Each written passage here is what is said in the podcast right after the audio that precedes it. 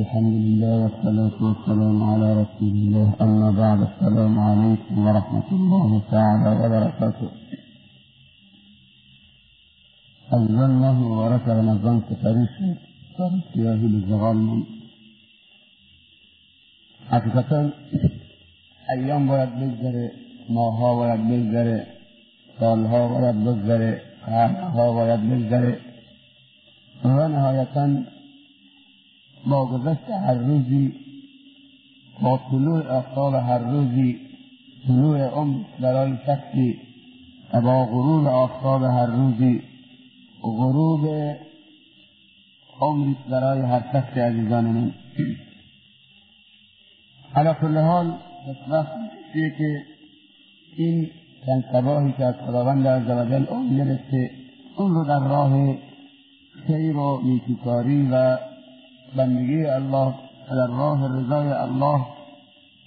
این عمر رو فنا کرده و بدبخت شقی. این کسیه که از این ایام مبارک از این لحظات عمری که از خداوند عزوجل طلبیده و به أو مرحمت فرموده نهایتا در راه غیر رضای الله در راه معصیت الله و در راه رضای ابلیس به کار گرفته. نهایتا این بدبخت دنیا و آخرته. عزیزان من اگر شما نگاه به پشت سرتون بکنید که هم نیست در مسجد. بعد می‌خوایم که ما پیروز بشیم بر دشمنان می‌خوایم ما پیروز بشیم بر ملحدین می‌خوایم ما پیروز بشیم بر غافلین. با این وجودی که ماه ماه مبارک رمضان و خبر از سفری نیست و همه چیز را باید بذاریم کنار با این وجود وقت خطبه نزدیک سخنرانی داره میشه. هنوز قصص اگر در تفریحتن کامل نیستن. عزیزان من خودمون گول نزنیم. خبر از پیروزی نیست. خبر از نصر نیست. خبر از نصرت الله و یاری الله نیست. تنها روزه گرفتن نیست. تو روزه هست اما با بلند شدن خطیب و رفتن روی منبر و نهایتا اقامه نماز در روز جمعه مسجد میایی این دیگه تکلیفش مشقته پس عزیزان من حقیقتا ما خیلی عقب هستیم. حتی رمضان به ما درس نداده که چطوری که اگر بتونیم خودمون رو به صف اول برسانیم سینتی بیان که خودمون رو به صف اول برسانیم عزیزان من. صدر اسلام برای رسیدن به صف اول قرعه مینداختن قرعه مینداختن تا برسن به صف اول. مسلمان ها از ساعت نه در مسجد بودن عزیزان من روز جمعه. نماز پنجاه قبل از اذان نیم ساعت در مسجد بودن که پیروز شدن روزه رو درست می‌گرفتن اما حالت مسلمان امروز مسجد این عظمت و تعداد مسلمان ها خدا می‌دونه چقدر زیاد شده. نمی‌تونن یک مسجد رو که دو هزار نفر بیشتر جا نمی‌گیره که هنگام که شروع سخنرانی پرش بکنن بعد دیگه دستشون بلند می‌کنن خدایا به ما بده. خدایا ما را پیروز بکن. خدایا ما را در دنیا و آخرت موفق بگردان و سر شیاطین کوتاه بگردان. امکان نداره عزیزان من محاله این دستا بلند میشه که خودت بلند کردی بلند میشه که خودت هم میدن تو سر خودت. نتیجه نمیده. صحبت آدم پیروز نمی‌کنه. شعار آدم پیروز نمی‌کنه. من مسلمانم. نگاه بکنید شناسه هم مسلمانم. پدرم مسلمان مادرم مسلمانه بندگی الله باید بکنیم. با نفسمون باید بجنگیم. معاصی رو باید دور بریزیم. باید احساس بیزاری بکنیم در دلهامون از از گناه و معصیت. عزیزان من اگر این احساس بیزاری نسبت به گناه و معصیت و سوء طاعت و بندگی الله در دلهای ما جون نگیره در ماه مبارک رمضان محال که بعد از ماه مبارک رمضان ما بتونیم که اونطوری که در رمضان می‌تونیم باشیم باشیم و روی پای خودمون بیستیم. عزیزان من مسلمانان صدر اسلام و مراحل که نسخه های بعدی تا امروز اونهایی که گذشتگان ما بودن هر کاری کردن برای خودشون هر قدرتی گرفتن هر توشی برای خودشون جمعآوری کردن هر ایمانی و اخلاقی و ادبی را برای خودشون که کسب کردن در ماه مبارک رمضان بوده.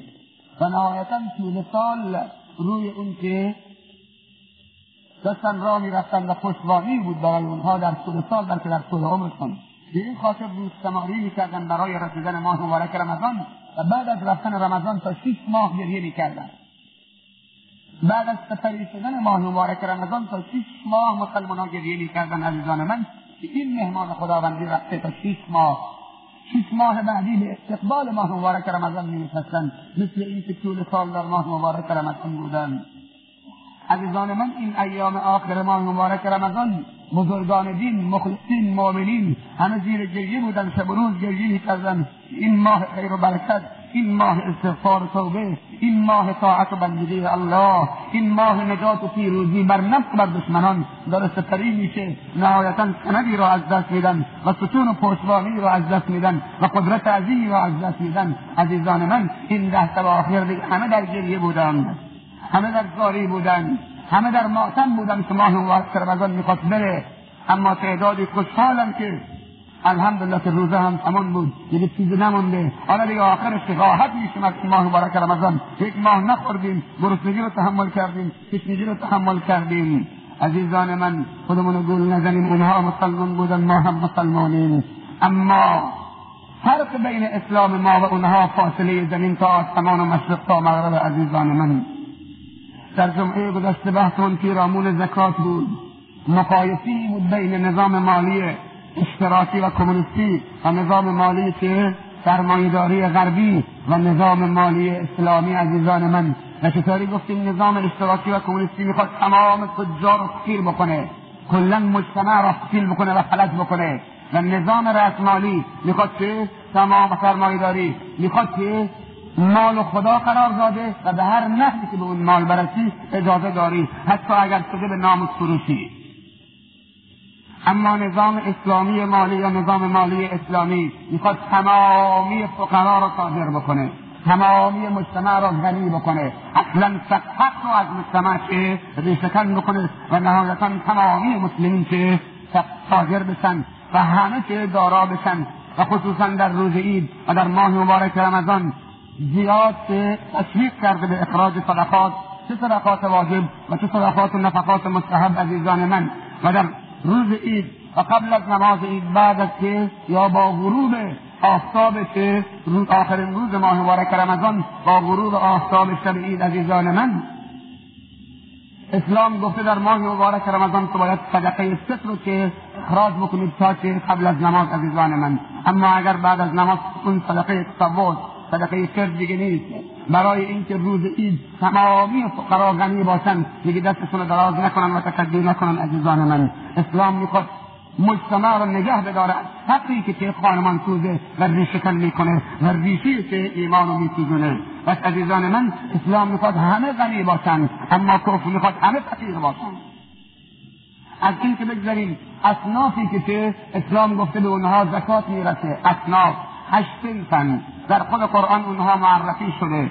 انما انما الصدقات للفقراء والمساكين والعاملين عليها والمؤلفة قلوبهم وفي الرقاب والغارمين وفي سبيل الله وابن السبيل فريضة من الله. عزیزان من زکات مال تو به کی میدی به للفقراء. فقیر کسیه؟ فقیر کسی که ستون فقرات که کمرش خورد شده. چه کسیه؟ فقیر کسی که ستون فقرات کمرش خورد شده. نمی‌تونه در مجتمع که روی پایش پاس بیسته کمرش خورد شده فقراتش. مهره های کمرش همه خورد شده. میفته از فقر. عزیزان من فقیر کسیه که که خرجش به دخلش نمی‌رسه. اون چیزی که درآمدشه خرجش بیشتر از اونه. خلاصه فقیر اون کسی که اصلا نداره فقیر کسی که محروم اصلا نداره که چه مخمسه و گرسنگی که برطرف بکنه نداره اصلا پس به این یک سنت می‌رسه تو می‌تونی مال تو به فقیر بدی دو للمساکین مسکین که کسیه مگر فقیر مسکین نیست یا مسکین فقیر نیست مسکین کسیه که داره داره کار می‌کنه اما خرجش بیشتر از دخلشه. فقیر هیچی نداره مسکین خرجش بیشتر از دخلش عزیزان من. پس مسکین هم زکات بهش یک فقیر دو مسکین. العاملین علیها. افرادی که از طرف مؤسسه زکات دارن چه کار می‌کنن؟ برای جمعآوری زکات از طرف بیت المال مسلمین فرستاده میشن پیش تجار که اونها رو که زکات مالشون رو حساب بکنن و نهایتا جمعآوری بکنن بیان به بیت المال تحویل بدن. پس اسلام مؤسسی برای زکات داره. همینطوری نیست که هر کسی خودش زکات مالش رو بده. امروزه اینطور شده عزیزان من. زکات مال باید به بیت المال مسلمین تحویل داده بشه. اما امروزه هر کسی خودش زکات خودش رو میده. معلوم نیست چطوری میده چطوری حساب می‌کنه. به کی میده؟ انما الصدقات للفقراء والمساكين والعاملين عليها والمؤلفة قلوبهم. سنف کسانی هستند که ایمانشون ضعیفه یا کافری هست که در شهر مسلمان و کشور اسلامی داره زندگی می‌کنه. به خاطر که دل اونو جذب بکنی به طرف اسلام اونو تشویق بکنی به طرف اسلام و به طرف بندگی الله اسلام گفته اجازه داره بیت المال مسلمین این زکات رو حتی برای کافری که امید هست با اعطای این زکات اونو جذب بکنیم برای اسلام یا شرش کوتاه بکنیم. تا چه برسته برای مسلمان ضعیف ایمانی که امید هست توبه بکنه و بیاد در صف نماز قرار بگیره و بیاد بندی مطیعی باشه برای الله اسلام گفته اینهایی که می‌تونی دلشون رو دست بیاری اشکال نداره که زکات هم نشون بدی. و سنف چه چهارمه و المعلقت قلوبهم. سنف پنجم و رقاب رقاب چیه؟ رقاب اونهایی که رقبشون و گردنشون اسیر و سوق بردگی و عبودیت و آزادی را از اونها گرفته. عزیزان من از مال زکات میشه برده را آزاد کرد. امروزه که الحمدلله بردی وجود نداره. و این سوء تفاهم نشه که اسلام بردهداری را تایید می‌کنه. یا اسلام با زور شمشیر مردم مسلمان کرده و مردم اسیر را برده کرده عزیزان من. و حق آزادی را از اونها گرفته. اسلام نظام بردهداری را تایید نمی‌کنه. بلکه اسلام تمامی کفارهات رو گذاشته. اول عتق رقبه اگه بردی هم باشه هر گناهی که تو بکنی کفارش رو قرار داده که آزاد کردن یک برده. آزاد کردن یک انسانی که اسیره و آزادیش ازش گرفته شده اون آزاد بکن چقدر ثواب داره. این بحث مفصلی چطوری بردگی در اسلام که ثابت شده و چطوری شخصی برده میشه. این بحث مفصلی انشاءالله در جای بعدی در وقت بعدی انشاءالله که مطرح می‌کنیم. پس پنجمین سنفی که باید زکات به اونها بدی با این پول زکات بری نگاه بکنید چه برده است؟ اونو بخری و آزادش بکنی در راه الله. شیش والغارمین شخصی بوده فقیر بوده قرض گرفته. قرض مباه گرفته صد هزار تومن دویست هزار تومن از کسی گرفته به خاطر که چه خرج زن و بچت بده. نه به خاطر اینکه بره معصیت بکنه مشروب بخوره بره بلیط بخر بره بانکوک عزیزان من. اگر به خاطر معصیت قرض گرفته و بدهکار شده و غارمه و مدیونه اصلا اجازه نیست و حرامه که کمکش بکنید از مال زکات. چون که اونو داره تشریف می‌کنه بر معصیت اون سر هزار تومن هم بدهکاریشو نمیده بلکه که میره دوباره همون کار فساد انجام میده.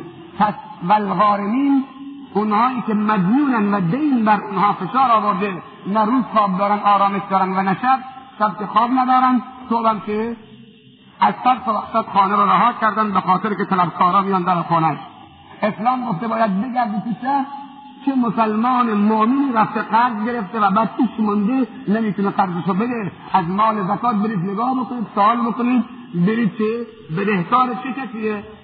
از کی گرفته؟ برید پیش اون صاحب. تو چقدر فلانی دادی؟ و الان چند ساله که مال تو رو نمی‌تونه بده؟ دیگه پنج ساله. چقدر سال هزار تومن؟ یه این سال هزار تومن مال فلانی اونو دیگه آزاد بکن. عزیزان من آیا ما چنین کاری را کردیم؟ نه. آیا ما رفتیم دنبال شخص مؤمنی که بدهکار شده صد هزار تومن خرج گرفته برای امرار معاشش دستنگیش و تورم بعد توش مونده و شب روز در غم و اندوه و دست فکره آیا رفتیم با پول زکاتمون اونو آزاد بکنیم ان این غم و اندوه؟ خیلی کم عزیزان من. هر کسی آمد در خونه هر گدایی باشه. ها سائلی باشه هزار تومن نفر هزار تومن میدیم. اینطوری زکات دادن نیست که هر کسی آمد. یک دفعه زن با برقه میاد یک دفعه با لباس دیگه میاد یک دفعه بچه‌شو میفرسته یک دفعه خواهرشو میفرسته. هر کدوم نفر هزار تومن هزار تومن دلش خوشه که زکات میده. این زکات نیست. این شهرته تو مردم داره جمع می‌کنی در خونت که برید اونجا دارن زکات میدن. زکات خودت باید ببری با پای خودت در خانه فقیر تحویل بدید و بگید این حق خودته. این حق خودته این پول زکات مال من نیست. نه اینکه یک میلیون تومن هر نفر هزار تومن بیاد در خانه من. یه در خانه من. تو خلاص سب کشیدم اینجا دارن؟ فلان تاجر داره زکاتش میده. نه عزیزان من. کلاهش پشت معرکت. باید خودش تصمیم بکنه و لیست این هشتن رو بگیره بره در خانه هاتون تحلیل بکنه برادرم سلام خدا بر تو باد. السلام علیکم و رحمت الله تعالی و برکاته. این حق تو پول زکات مال تو بگیر با عزت. حق خودت پیش من بوده. این روشه یا به بیت المال مسلمین تحویل بده. والغارمین سنف هفتم و فی سبیل الله. یا ابن السبیل. مسافر منقطع الطریق ابن راه ابن سبیل. عزیزان من یکی از هشت که زکات مال به اونها می‌رسه مسافری که از خانهش حرکت کرده آمده در منطقه دیگه یک دفعه که مال و انباری داشته دزدا به اون برخورد می‌کنن و مالشون رو میدزدن و تمامی داراییش رو میدزدن و به یغما می‌برن. نهایتا در شهر خودش میلیاردره اما در شهر غربت که فقیر شده به که مالش رو بردن. این فقیره. ما باید مقدار پول زکات رو به این تاجری که در شهر خودش تاجره اما در شهر ما فقیر شده که از مال زکات بدین که چه؟ غنی بشه و خودش به شهر خودش برسانه. این بهش میگن تکافل اجتماعی تضامن اجتماعی عزیزان من. این اسلام شاید آقا در شهر خودش تاجر سرمایه داره اما اینجا مسافر شده اینجا منقطع و سبیل شده اینجا بچه راه شده که چه؟ دستش توهی ما باید پول زکات کمکش بکنیم. و سنت هشتم عزیزان من و فی سبیل الله با این پول زکات تمامی اسلحه های جنگی. اتار جنگی توپ و تانک و کلاشینکوف و موشک ها موشک های استینجر تمامی وسایل جنگی رو باید با این پول زکات بخریم و در اختیار بیت المال بگذاریم تا زمانی که اعلام شد که حرکت به سوی خود یا حرکت به سوی فلان ها دیار مسلمین که ظالمین رو از اونجا برانن با همین پول زکات که سرمایه گذاری بشه و اسلحه خریده بشه و نهایتا که در جهاد شرکت بکنن. عزیزان من من گفتم که چه بسا افرادی هستن که پولشون به یک میلیارد رسیده و میگن تا ما روز یک میلیون تومن در نیاریم خواب نمیفتیم عزیزان من اگر ده تا یک میلیاردی ما داشته باشیم در سطح سال هرمزگان هر نفری 25 میلیون تومن پول زکاتشونه. یک میلیارد تومن 25 میلیون تومن پول زکاتشه. ده تا داشته باشیم چقدر میشه؟ اصلا کل استان هرمزگان غنی میشه. اگر تجار ما زکات مالشون رو درست بدن بر این هشتل و بیت المال درستی باشه عزیزان من به خدا قسم یک نفر مسلمان پولیس نمیشه. یک فقیر پیدا نمی کنی در عهد خلافت هارون الرشید امیر المؤمنین هارون الرشید رحمت الله علیه.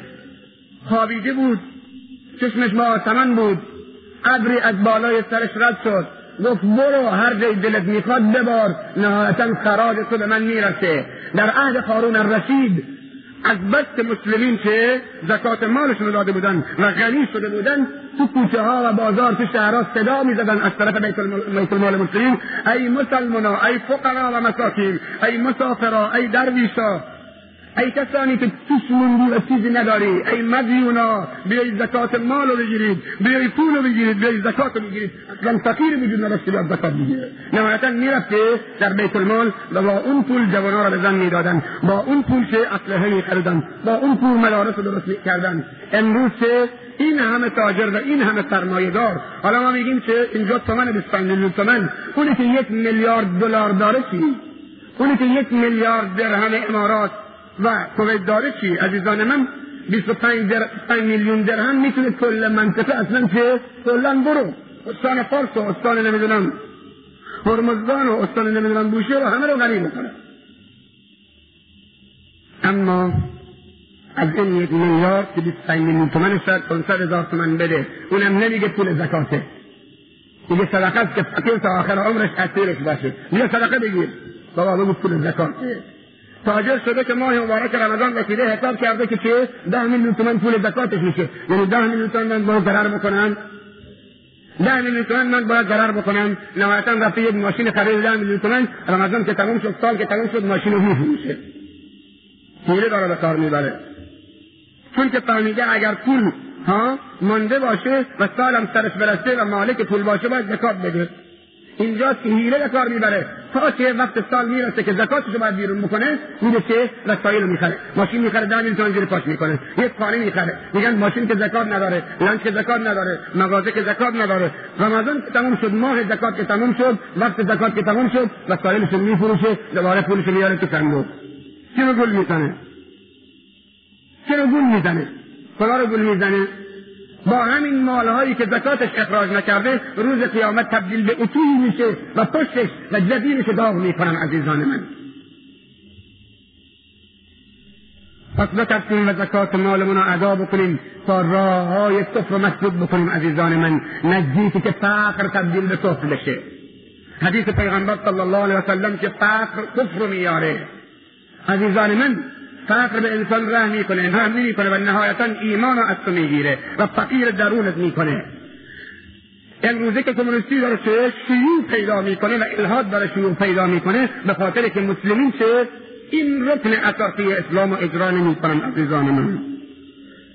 تعداد انگشتمار زکات مالشون میدن اونم خیلی کم. اونم نادرست عزیزان من به نحو احسن نمیدن.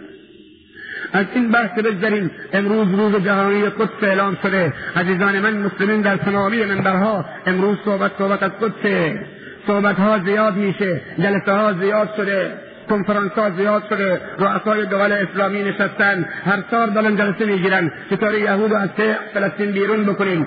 در سر تا دنیا عزیزان من بزرگان دین علما ریستفیدا اهل فن اهل فکر پادشاه ها سلاطین ریاست جمهورها وزرای خارجه همه می نشینن در کل دنیا جلسه می‌گیرن برای آزادی قدس جلسه می‌گیرن برای چه؟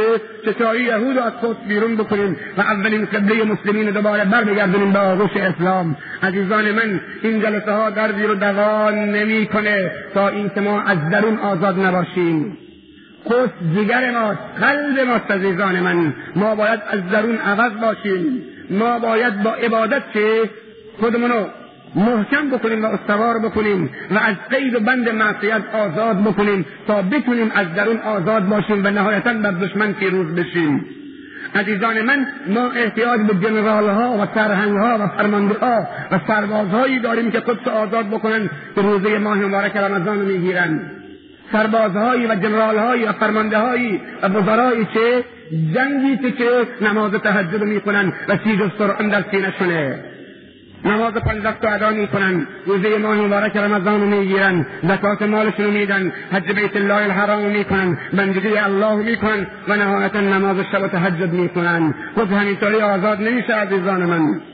هر کسی نمی‌تونه قدس آزاد بکنه. هر مسلمونی که چه دلش می‌خواد قدس آزاد بشه نمیشه. اسباب نصر و پیروزی خیلی چیزهاست. اول ایمانه دوم تقواست سوم نماز تهجد عزیزان من. مسلمانی که در مقابل یک نقصیگار شکست خورده. مسلمانی که در مقابل یک نقصیگار شکست خورده افتاری روزه با نقصیگار داره افتار می‌کنه از این چه امیدی هست؟ سرهنگی که در مقابل بطر مشروب سرهنگی که در مقابل یک قوطی آبجو شکست خورده دنبال یک قوطی آبجو این سرهنگ چطوری می‌تونه لشکر که به طرف نصر پیروزی سوق بده عزیزان من. عزیزان من فرماندهانی که خود آزاد کردن. صلاح الدین ایوبی تردی بود. حضرت امیر المومنین عمر بن الخطاب بود که شب تهجد می ایستادن اونقدر تلاوت قرآن می کردن اونقدر گریه می کردن که پاشون چه؟ خم می شد پاشون برم می کرد میگن حضرت صلاح الدین ایوبی رحمت الله علیه وقتی خواستن صلیبی ها را از قدس برانند. رفتن لشکرکشی کردن. اول عالم اسلامی رو از منافقین پاک کرد از درون طاهر کرد بعد رفت به دنگچه صلیبی ها اول درون پاک کرد بعد رفت بیرون پاک بکنه عزیزان من بیرون تابع درون توست. اگر درون تو پاک باشه طبیع باشه از درون شکست نخوری در بیرون چه تو منتصری و تو پیروزی و تو رستگاری و بر هر قدرتی پیروز میشی. عزیزان من مثال می‌زنم. صلاح الدین ایوبی وقتی وارد بیت المقدس شد هنگامی که خداوند اون نصر مبین رو برای اون نوشت از اصلش پیاده شد خوب گوش بدید عزیزان من. این همه صلیبه ها رو تارمار کرد با اون شجاعت دستی که به طرف حرام دراز نشده دستی که به ناموس مردم دراز نشده می‌تونه شمشیر رو نگه بداره. پایی که به حرام سری نبوده و ندیده اون می‌تونه استقامت بکنه عزیزان من. استقامت در جهاد خیلی سخته. همه دست نمی‌تونه شمشیر رو بگیره. همه پا نمی‌تونه استقامت رو بکنه. صلاح الدین ایوبی وقتی قدس فتح کرد و صلیبی ها رو تارمار کرد و از بلاد اسلام ایران و قبله اول مسلمین رو چه دوباره به آغوش مسلمین بازگردوند. از اسبش پایین آمد. یک مشخاص برداشت عزیزان من. قبل از این که وارد قدس بشه یک مشخاص برداشت. انداخت روی سرش. سرش پایین انداخت. استغفر الله استغفر الله استغفر الله. با گریه و زاری وارد شد. خدایا این دست رو تو برای من دادی. همه از جانب تو بوده. خاک و گرفت انداخت رو سرش که متکبر نشه و مغرور نشه. و بگه من بازور بازو با قدرت خودم با لشکرم صفت کردم. اونها با قدرت خدا می جنگیدن اونها با نصرت خدا می جنگیدن اونها با نگهداری خدا جهاد می کردن اونها با تغییر خدا جهاد می کردن اونها با حرکت خدا حرکت می کردن عزیزان من. اما وقتی کسی رفت ها؟ هیتلر یا ناپلیون یا امثال اونهایی که اونها رو قهرمان چه جنگ معرفی می‌کنن وقتی شهر رو فرق می‌کنن میان وارد میشن غیر از قتل و کشتار غیر از مشق بخوری غیر از فاحشه غیر از دست کاری دیگه ندارن اما این فرمانده و سلشکر و امیر مسلمانا که خود فرق می‌کنه و نهایتا اون مسیحی و صلیبی را زیر منبرش که توهین به رسول الله صلی الله علیه وسلم کرده بود زیر منبرش با خنجر خودش ذبحش کرد نهایتا وقتی وارد قدس میشه خاک تو سرش میریزه. اما امیر المؤمنین عمر ابن الخطاب قدس یک بار فتح کردن با آرامش بدون با صلح بدون جنگ. اونها قدس فتح کردن عزیزان من. قدس اولین قبله مسلمینه بانی قدس. حضرت اسحاق پسر ابراهیم علیه السلام اما بانه کعب خلیل الله ما سه مسجد بزرگ داریم که قلب عالم اسلامیه. هر نماز فرضی در مسجد الاقصا معادل 500 نماز فرض ثواب داره. هر نماز فرضی در مسجد رسول الله صلی الله علیه وسلم معادل هزار نماز ثواب داره. هر نمازی در مسجد الحرام معادل 100 هزار نماز ثواب داره. عزیزان من مسلمین قدس در صدا می‌زنه. وا اسلاما وا اسلاما. کسی نیست که به دار شیخ قدس برسه. به خاطر که ما از درون تو توحید هستیم. کسی که فاقد علم نمی‌تونه علم به کسی یاد بده. کسی که مال نداره نمی‌تونه کسی مال بده. کسی که چه قدرت نداره که می‌تونه کسی قدرت بده. عزیزان من ماه مبارک رمضان ماه پیروزیه. ما باید بر خودمون پیروز بشیم. جوان مسلمونی که یک دختر ببینه همینطور داره میچرخه سرش به دیوار می‌خوره زیر ماشین میره. اینطور اینو خود خود از بکنه. صف نماز خالی روز جمعه ماه مبارک رمضان که وقت خود است که سلمون تو مسجد نیست. عزیزان من این راهی که ما میریم به ترکستان به کعبه نیست. خودمون رو نزنیم. چقدر زشت که آدم سر خودش بلا بذاره. این حرف شیخه. رحمت الله علیه. سر خودمون کلاه نذاریم روزی معتصم بالله معتصم بالله یکی از امرا بوده جهاد کرده زحمت کشیده. یک زنی در گوشی از جهان اسلام به شهانت شد از همجا جیب زد و صدا زد و داد زد. و معتصما. ای معتصم باللهی که خلیفه ما هستی به من به شرف من اهانت شده. حضرت معتصم بالله برای که به داد یک زن برسه در گوشی که جهان اسلام لشکر آماده کرد و به کمک اون زن مسلمان رفت. امروزه سالهای سال چهل پنجاه ساله که چه هنگامی که چرچیل و انگلیس و سربازان انگلیس رفتن بیرون در پروتکلات حکمای صهیون در اون نشستی که چه حکمای صهیون داشتند. رؤسای یهود و انگلیس داشتند هنگامی که اونها رفتن بیرون گفتن فلسطین رو به ما بفروش. نهایتا چرچیل آمد که فلسطین رو داد به یهود.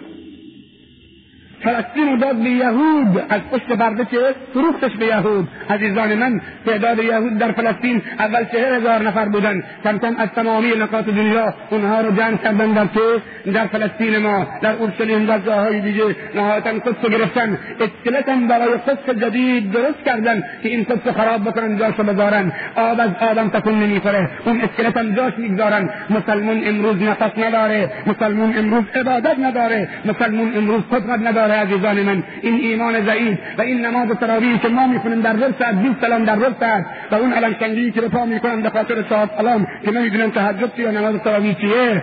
و جان هم میفتن عزیزان من اینها درد رو دوا نمی‌کنه و نمی‌تونه به ما قدرت بده که قدس آزاد بکنیم امروز قدس داره فریاد می‌زنه ای مسلمان یک میلیارد و دویست میلیون مسلمان نمی‌تونید دو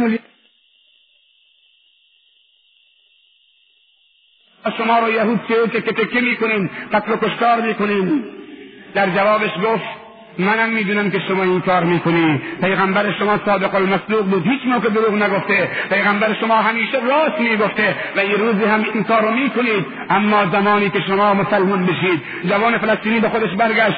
گفت من مسلمان نیستم. گفت نه این اسلام نیست. یهود می‌فهمه که ما مسلمان نیستیم. این اسلام مطلوب نیست. اگر اسلام عمری بود زمان قدس فرض شده بود. اگر اسلام ایوبی بود زمان قدس فرض شده بود. اگر اسلام خالدی بود زمان قدس فرض شده بود. عزیزان من روزی حرکل روم نامی نوشت روزی حرکل روم قصد هجوم به ممالک اسلامی داشت. خبر به خالد بن الولید رسید فرمانده کل قوا از طرف ابوبکر و عمر در منطقه شام دست جهاد می‌کرد. شنید که چه روم می‌خواد حمله بکنه.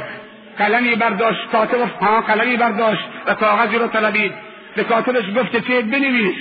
از خالد بن الولید فرمانده کل قوای اسلامی در مناطق شام الى کلب روم به سگ روم. من شنیدم که می‌خوای پاتو از گلیم فراتر بگذاری برو سر جاد بشین. به خدا قسم تا برهنه ها و شکم گرسنه ها و لب خشکیده ها را سراغت میفرستم. همونطوری که شما زندگی رو دوست داری اونها مرگ رو دوست دارن و برای شهادت دارن می‌رفتن. عزیزان من با اون قدرت و با اون ایمان حتی پاشون برهنه بود شکمشون گرسنه بود لبشون خشکیده بود لباس وصلدار بر تنشون بودن. اونها قدس آزاد می‌کردن اونها ممالک فتح کردن اونها کسرا و قیصر خودش البقاء مالیدن. اونها ما را مسلمان کردن. عزیزان من قدس داره فریاد می‌کنه.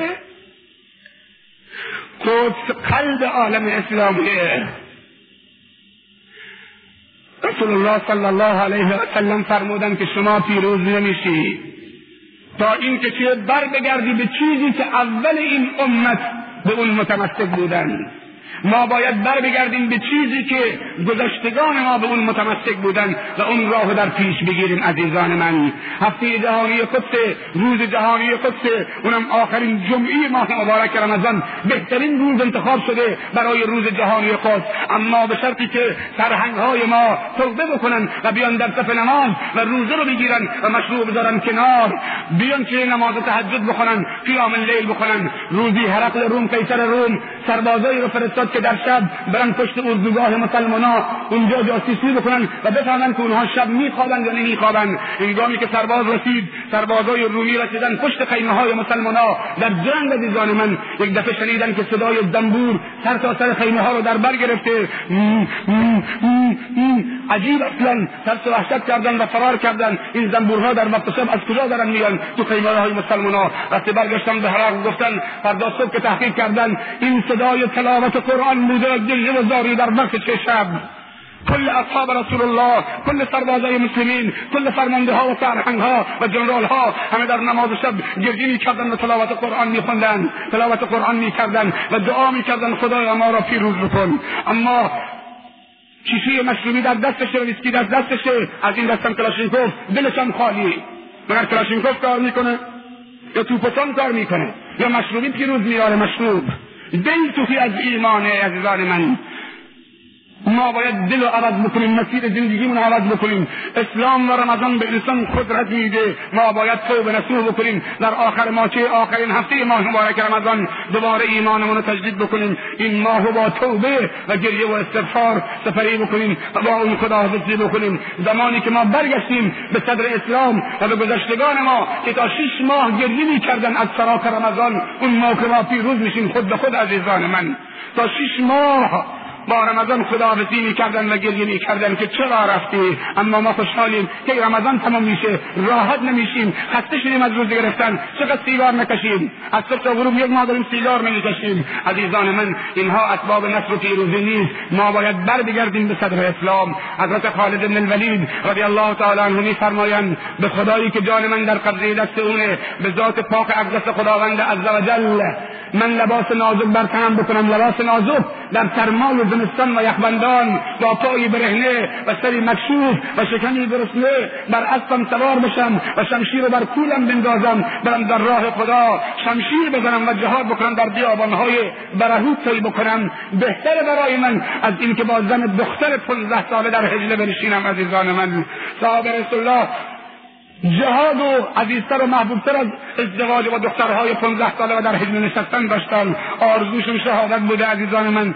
در بدن خالد بن ولید نقطهای نبود مگر اینکه اثر شمشیر یا اثر نیزه یا اثر تیریچه در بدنش جا افتاده بود. عزیزان من اونها به استقبال مرگ می‌رفتن اونها به استقبال شهادت می‌رفتن. خود همینجور سر جاشه خود همینجور در دست یهوده. تا اینکه ما عوض بشیم عزیزان من تا اینکه ما خوب بشیم عزیزان من تا اینکه ما برنگردیم و توبه بکنیم خود به خود خود سازاد میشه و حیبت شما در دل دشمنان میفته. دشمنان این روزه از لشکر ما نمیترسن لشکر ما مثل کف روی آبه. کف روی آب قدرت نداره عزیزان من. جزاکم الله خیرا. بیشتر از این وقت شما رو نمی‌گیرم. موفق و معید باشید. دعا بکنیم که خداوند صلاح الدین ایوبی جدیدی در این دور از زمان خدا برای ما بفرسته برای مسلمین که قدس آزاد بکنه و دوباره این قبله مسلمین را به آغوش مسلمین باز بگردانه. دعا بکنیم که شخصیتی چون عمر فاروق قام الکفر و الفسوق در چنین موقعیت هایی و در چنین ایامی ظهور بکنه و شخصیتی به این قدرت و این عظمت و این همه بندگی الله و این همه نماز و تهجد و تلاوت قرآن و عبادت ظهور بکنه و نهایتا مسلمین پشت سرش بریزن و قدس آزاد بکنن. عزیزان من ما خوب نمیشیم ما پیروز نمیشیم تا اینکه بر بگردیم به گذشتگان ما. راه اونها را ادامه بدیم و انشاءالله توبه نصوح بکنیم توبه دست جمعی. عزیزان می‌گفتن کی مکد مسجد میشه؟ همه دنبال مکد بودن. در مسجد رسول الله مکد نبود اما حسیر بوده عزیزان من. پیروزی به مکد نیست بس. پیروزی به این همه ستون و فلان و پنکه و کله و فلان نیست. پیروزی چه؟ به چیز دیگه است. روی حسیر نماز میخوندن روی خاک. اما چیز دیگه بود عزیزان من. دیوار مسجد رسول الله صلی از گل خام بود. پس عزیزان من آخر این امت درست نمیشه مگر به چیزی که اول این امت درست شده. بدا الاسلام و غریبا و سیعود و غریبا و طوبا للغربا ان الله مع الذين اتقوا والذين هم محسنون. عزیزان دم عید. صدقه فطر. این نقطه رو اشاره بکنم. صدقه فطر. صدقه فطر تقریبا سه کیلو از بهترین چیزی که خودت می‌خوری. صدقه فطر سه کیلو از بهترین چیزی که خودت می‌خوری.